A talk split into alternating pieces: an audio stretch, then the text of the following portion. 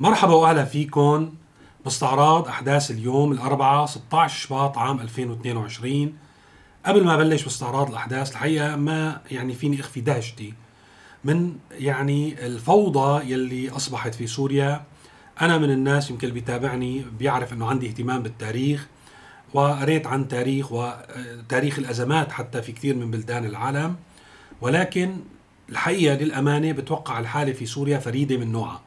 من حيث عدد اللاعبين الموجودين الدوليين والإقليميين من حيث الفوضى والتشتت وسلطات الأمر الواقع المتشظية خلينا نقول في سوريا عدد الميليشيات التغير اتجاه الأحداث بين يوم ويوم المشاريع يلي لا يمكن يمكن لعقل البشري رغم حتى لو كان متابع يحسن يتخيل ماهيتها ونهايتها لحتى آه، يعني تكونوا معي في في الصورة مثل ما حكيت يعني أنا لليوم من سنوات طويلة وأنا يوميا آه، في شيء يدهشني في تطور الأحداث السورية. كان في آه، تقرير على روسيا اليوم، روسيا اليوم يعني آخذة نوع أو دور بتسريب معلومات استخباراتية من خلال يعني بقالب خلينا نقول صحفي بتقول نشرة وسيلة إعلامية يعني روسية و بتمرر المعلومات أو الرسالة يلي بدها إياها ولكن هذه الرسائل مهمة وتعبر بشكل أو بآخر عن المشاريع التي تنفذ في المنطقة. التقرير اليوم بيقول بعنوان جنوب سوريا المصالح يتمرد على الأسد وموسكو. وبيحكي التقرير عن موضوع الاحتجاجات اللي صارت بالسويدة وعن الوضع الأمني غير المستقر في درعا بنوه لشغلات يعني غاية في الأهمية لاحظوا هون بيقول في هذا الصدد قال الباحث ما مهم من الباحث المهم إنه منشورة بروسيا اليوم وفي هدف من نشر هالرسالة. بيقول الاحتجاجات في المحافظات الجنوبية درعا والسويدة أصبحت منتظمة. وهناك عدة أسباب لذلك. اولا هذه مناطق المصالحة حيث قامت روسيا بدور الضامن لاتفاق دمشق مع السكان المحليين لكن السكان المحليين يعني بنحس حالنا هنود حمر هون. لكن القوات الأمنية تتجاهل شروط هذا الاتفاق، يعني المخابرات السورية تتجاهل وبالتالي في تحميل مسؤولية للأمن السوري.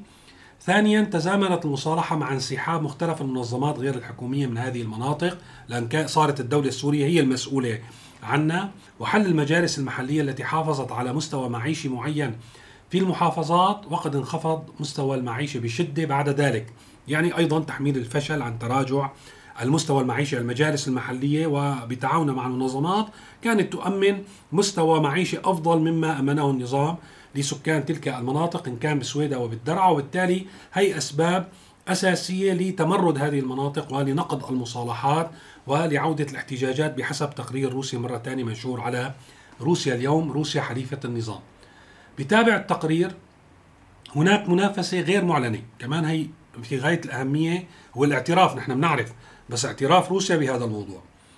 بين المتمردين المصالحين المدعومين من روسيا أي يعني المضمونين من روسيا بيقولوا والجيش الحكومي والهياكل الموالية لإيران قصد الميليشيات الإيرانية داخل جيش الأسد والتشكيلات شبه العسكرية أيضا الميليشيات هون الهياكل الموالية لإيران داخل الجيش الأسد يقصد فيها الفرقة الرابعة والتشكيلات شبه العسكرية الإيرانية هي الميليشيات الإيرانية. من جهة أخرى في الواقع الحديث يدور عن المنطقة العازلة ضد النفوذ الإيراني التي وعدت بها إسرائيل واللاعبين الآخرين ولكن من الصعب للغاية تشكيلها في إطار العلاقة الحالية مع دمشق لأنه دمشق لا مصلحة لها للأجهزة الأمنية ولا لإيران ولا لحزب الله وهذا ينعكس على يعني بمعنى أنه السكان المحليين بدهم المنطقة العازلة فيما إيران وحزب الله وقوات النظام لا تريد هذه المنطقة العازلة مو مهم مين بيرضى ومين ما بيرضى ولكن هذا تمهيد لإقامة منطقة عازلة في الجنوب على غرار المنطقة العازلة في الشمال التي تقيمها تركيا. في الشمال آه، العذر هو وجود حزب العمال الكردستاني المصنف إرهابي في تركيا. في الجنوب العذر هو وجود الميليشيات الإيرانية المصنفة إرهابية بالنسبة لإسرائيل وبالتالي يحق لإسرائيل ما يحق لتركيا بضمان أمنها بإنشاء هذه المنطقة العازلة مع وجود تململ واحتجاجات وعداوة للنظام من السكان المحليين على قولة التقرير الروسي. في درعا والسويدة يصبح موضوع يعني إنجاز هذه المنطقة وارد برغبة السكان المحليين أنفسهم يعني هذا ما يشير إليه التقرير. هلا هون السؤال ليش إيران موجودة بجنوب سوريا؟ الحقيقة أنا ما بعرف. ما بعرف شو أهمية وجودها. وزيادة تواجد العسكري من يومين. شفنا شلون في قوى عسكرية إجت من رقة إلى الجنوب وأكبر منطقة تتواجد فيها إيران اليوم أكثر المناطق تتواجد فيها هي منطقة جنوب سوريا وصولا إلى العاصمة دمشق إلى السيدة زينب. ليش عم تتواجد؟ يعني أكيد هي ما راح تحرر الجولان ولا راح يعني تشكل أي خطر على إسرائيل. أنا برأيي كل يلي راح تعمله أنه تشكل أو تكون عذر لإسرائيل لكي تنفذ مشاريعها في في سوريا وتبني هذه المنطقة العازلة كخطوة أولى. ما بعرف شو راح يكون الخطوة الثانية بعد. في ذات السياق يلي بيخلي مخاوفنا تتعزز هو دخول رئيس الطائفة الروحية في آه، إسرائيل في فلسطين على الخط وزار روسيا لبحث الأوضاع في محافظة السويدة يلي ما بيعرف كثير توزع. طبعا الدروز آه، أخوتنا الدروز موزعين في منطقة جنوب سوريا وفي لبنان في جبل لبنان وفي آه، فلسطين موجودين يعني منذ مئات السنين.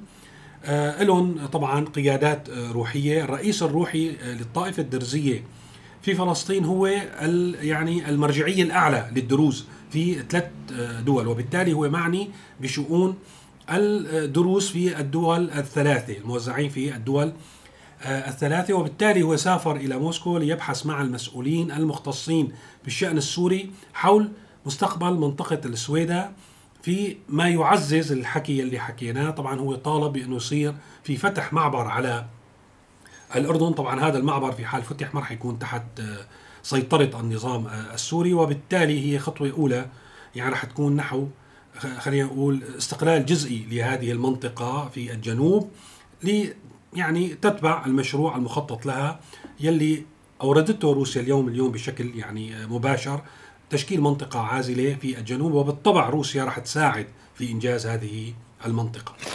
مبروك إن شاء الله آه، يوم الانتصار. انتصار آه، يعني آه، فك الحصار للنبل والزهرة. وأيضا مبروك إن شاء الله لكم ولنا الذكرى للانتصار لصورة الجمهورية معلش لا تواخذوه هذا القنصل الإيراني ما كثير بيعرف يحكي عربي في نبل والزهراء في أقصى الشمال السوري في منطقة يعني آه، مسيطر عليها من قبل الفصائل المسلحة التابعة لتركيا وهيئة تحرير الشام ولكن آه، استطاعت إيران أن تحرر هذه المنطقة لخصوصية أهلها.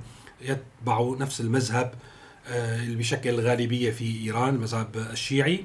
وبالتالي أنشأت فينا نقول مستعمرة مستوطنة في تلك المنطقة مثل ما لاحظتوا مثل ما عم بتشوفوا هلأ على الشاشة. بالكاد يوجد صورة لبشار الأسد بينما الصور هي للخامنئي والخميني وحسن آه، نصر الله وللقاده العسكريين الإيرانيين الذين كان لهم الفضل في تحرير هذه المدينة. هذا وجه من أوجه السيطرة الإيرانية في المنطقة. يعني حكينا عن السويدة هلا عم نحكي عم نحاول. وهذا الشيء اللي بلشت فيه إنه الحقيقة شيء مدهش. يعني بتحس حالك أنت في اللا دولة في منطقة يعني آه، مشاع آه، مما بده بيجي بيعمل أي شيء. ما في أي سلطة للسوريين مو بس النظام. ما في أي سلطة ولا نفوذ للسوريين على الخالص ولا لأي سوري يعني اليوم صار.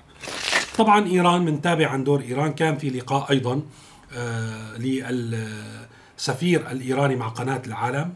ومن ضمن ما حكى أيضا يعني هذا شيء الحقيقة لازم نوقف عنده أنه إيران مستعدة مو بس تساعدنا أنه خلينا نقول بالحرف الواحد آه، شو قال أنه تنقل تجاربها لسوريا لكيفية تفادي آثار العقوبات. يعني لحتى تكرس سوريا يعني في حال ضلت سوريا أو ما تبقى من سوريا أو المنطقة التي يسيطر عليها النظام المتحالف مع إيران. كيف بده يكرس وجودها كدولة مارقة آه، معاقبة آه، كل المجتمع الدولي ضدها مثل ما هو ضد إيران وقابلة للحياة وغالبا طبعا تجنب العقوبات مثل ما عم بيصير اليوم هو من خلال إيران نفسها.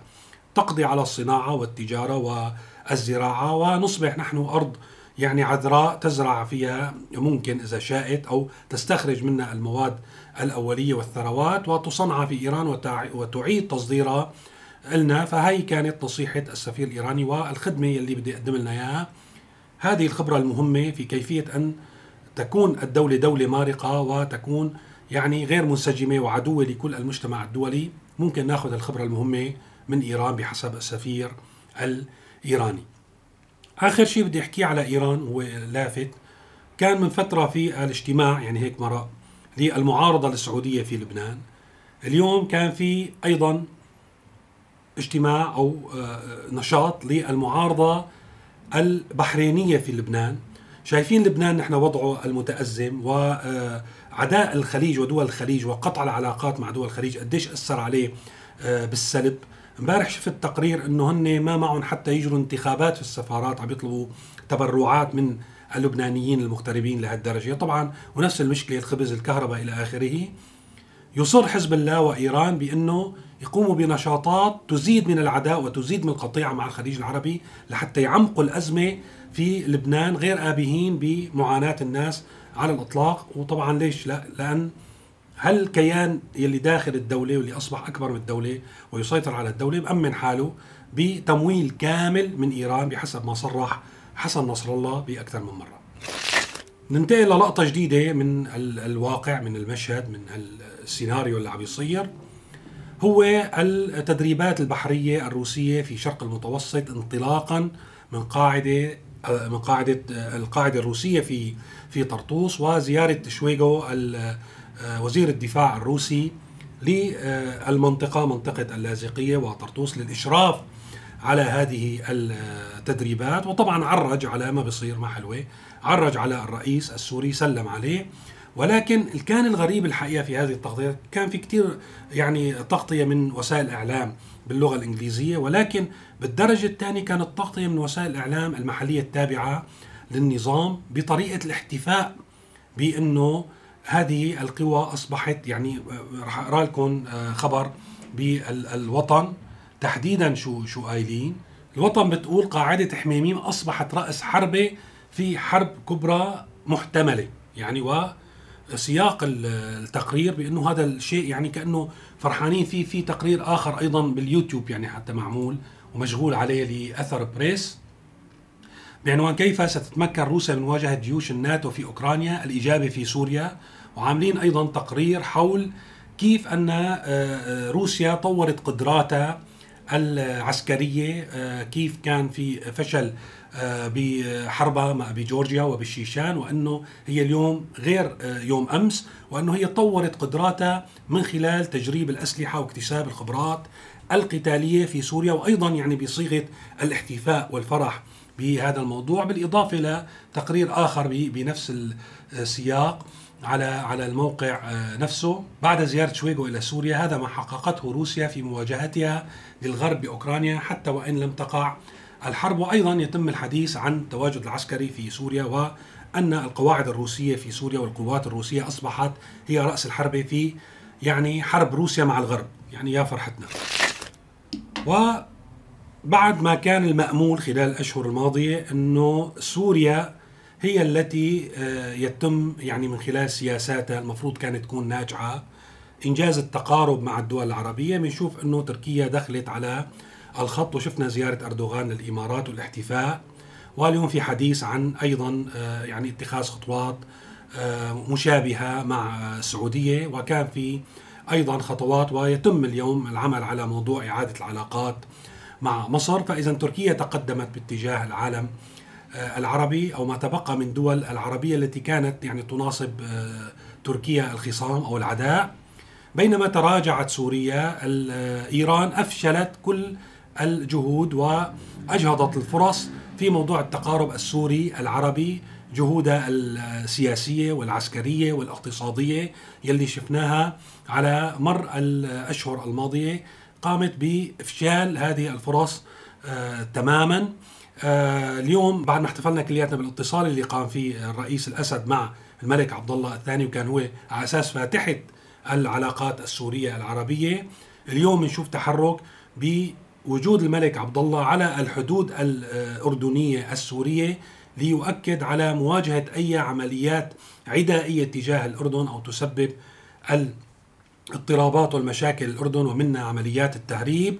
أنه راح تتواجه بكل حزم و شدة وصل على الحدود وما فات سلم علينا مثل مثل شويغو ولا حكى مع الرئيس الأسد وما زالت على سبيل المثال حركة معبر نصيب يلي كان مفروض إنه تتطور آه، محدودة ومقيدة إلى شكل بشكل كبير وفي زيادة كبيرة لانتشار الجيش الأردني على الحدود السورية لمنع أي نشاطات معادية اقتصادية أو حتى أمنية تجاه الأردن. فإذا تطورت الأمور وتراجعت الأمور وتطورت بالسارب لأن النظام السوري لم يكن قادرا على اتخاذ أي خطوة تقارب حقيقية تجاه الدول العربية ببساطة لأن قرار النظام السوري اليوم مصادر بالكامل من قبل روسيا وإيران.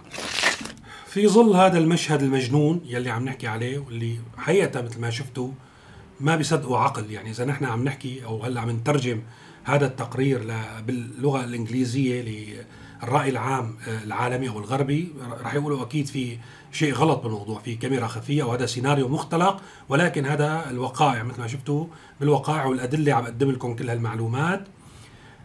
داخل هذا المشهد المجنون الوضع المعيشي عم يزداد سوء يوم بعد يوم. كل ما آه، بياخذوا هن طبعا خطوة على اساسه قرارات ليحسنوا الوضع المعيشي لحتى يعملوا انفراجات ليعملوا وفورات.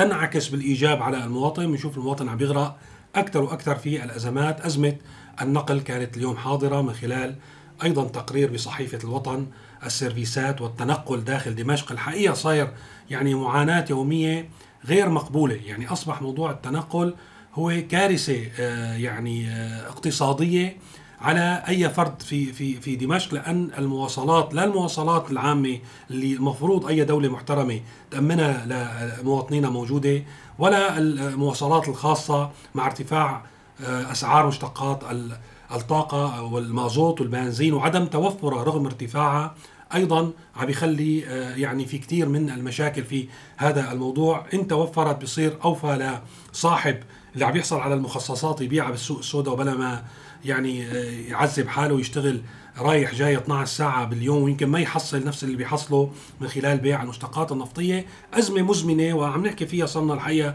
صار الحديث عنها مكرر ولكن الجديد القديم بأنه لا حل لهذه الأزمة وهي يوم عن يوم عم بتصير أسوأ فأسوأ. الموضوع الثاني اللي كل يوم كمان صرنا عم نذكره لازم نذكره هو موضوع الحياة بدي اشبه لكم إياه مثل مساحة فيها نوع من الإضاءة كل يوم عم تطفي فيها منطقة باتجاه الموت. يعني الكهرباء في في سوريا اليوم الحقيقة وضع آه، يعني بائس للغاية. في بعض المناطق التي ما زالت يعني عم تشعر وتطفي مثل شجرة الميلاد ولكن في مناطق عم تدخل بالعتمة وما تطلع. حكينا أكثر من مرة إنه الدولة انسحبت لدرجة إنه حتى في أعطال عم بتصير بتخرج مناطق واسعة أو أحياء أو إلى آخره من الخدمة الكهربائية ما بتصلحها وما أنا مستعد تصلحها وعم بتضل بالأيام والأشهر أحيانا بدون كهرباء. وبتوقع هذا الموضوع رح يزداد ورح يستمر بهذه الشاكلة. ببساطة الدولة ما عاد عندها القدرة لتزويد المواطنين لتزويد الناس السكان بالكهرباء إلا بأسعار مرتفعة للغاية، لا يملك الغالبية العظمى من السوريين القدرة على شراء هذه الخدمة بالسعر الذي يمكن أن تؤمن معه الحكومة أو الشركات الخاصة هذه الخدمة في آه، سوريا. بيترافق مع هذا كله الانسحاب رويدا رويدا من موضوع الدعم، سياسة الاذلال والتعجيز، يعني تخيلوا طالع قرار انه مثل ما حكينا وهذا الموضوع يلي عم يتابعني كل يوم بيعرفوا إنه هن سحبوا الدعم آه، عن آه، مجموعة من أو شرائح واسعة من السوريين بحجة إنه يمتلكوا سيارة فوق ال 1500 سي سي فوق ال 2008 وفي ناس لا يمتلكوا سيارة أصلا صار في أخطاء أو يمتلكوا سيارة آه، قديمة إلى آخره. ف مئات آلاف السوريين تم سحب الدعم الحكومي اللي بيعطوهم فيه آه، سلع مدعومة غذائية وطاقة بسعر مدعوم. سحبوا الدعم بحجة إنه معه سيارة. هلأ قالوا إيه ما في مشكلة بنصلح لكم الغلط ولكن لازم تعملوا التالي. والتالي يعني هو فعلا عملية أخرى من الطوابير والاذلال لازم المدنيين والعسكريين مهما كان هذا العسكري موظف متقاعد لواء عميد يعني آه آه عقيد مشورب ما في مشكلة. واشترطوا عليه إنه هو بالذات شخصيا بده يروح على دوائر النقل ويقدم معاملة ووثائق ويوقف الطوابير لحتى يثبت حاله معينه إذا ما كان عنده سيارة لازم يثبت إنه ما عنده سيارة وإذا كان عنده سيارة تحت ال 1500 سي سي لازم يثبت هذا الموضوع أو تحت ال 2008 وكأنه الدولة ما عندها أي قيود عن المركبات وأسماء أصحاب هذه المركبات. ما أنتم عندكم سجلات وعلى أساس كل شيء مؤتمن وعلى أساس إنه يعني السوري الدولة السورية والحكومة السورية أنجزت خطوات واسعة في اتجاه الأتمتة والخدمات. هلا ما عاد تعرفوا مين عنده سيارة تنطبق عليها المواصفات أو ما تنطبق عليها المواصفات لياخذ الدعم؟ أكيد هن بيعرفوا ولكن هي خطوة إضافية لحتى يطفشوا أكبر شريحة ممكنة من الحصول. يعني يصير هن ما عندهم إرادة إنه أخي هل دعم إلنا وهبناكم إياه ما عاد بدنا إياه. هذا كل شيء بدي أحكيه اليوم. آه، آسف إذا طولت عليكم آه، ولكن الحقيقة لسه في كتير شغلات يعني ممكن واحد يحكي فيها. فيكم تشوفوا أخبار إضافية مهمة على موقع سيريا نيوز. أو شبكات التواصل الاجتماعي المرتبطة فيه راح أحط لكم رابط التليجرام والفيسبوك مثل العاده في صندوق الوصف. شكرا لكل المتابعين والمشتركين بالقناة وشكرا للمنتسبين لعضوية القناة وإلى اللقاء في تسجيل قريب.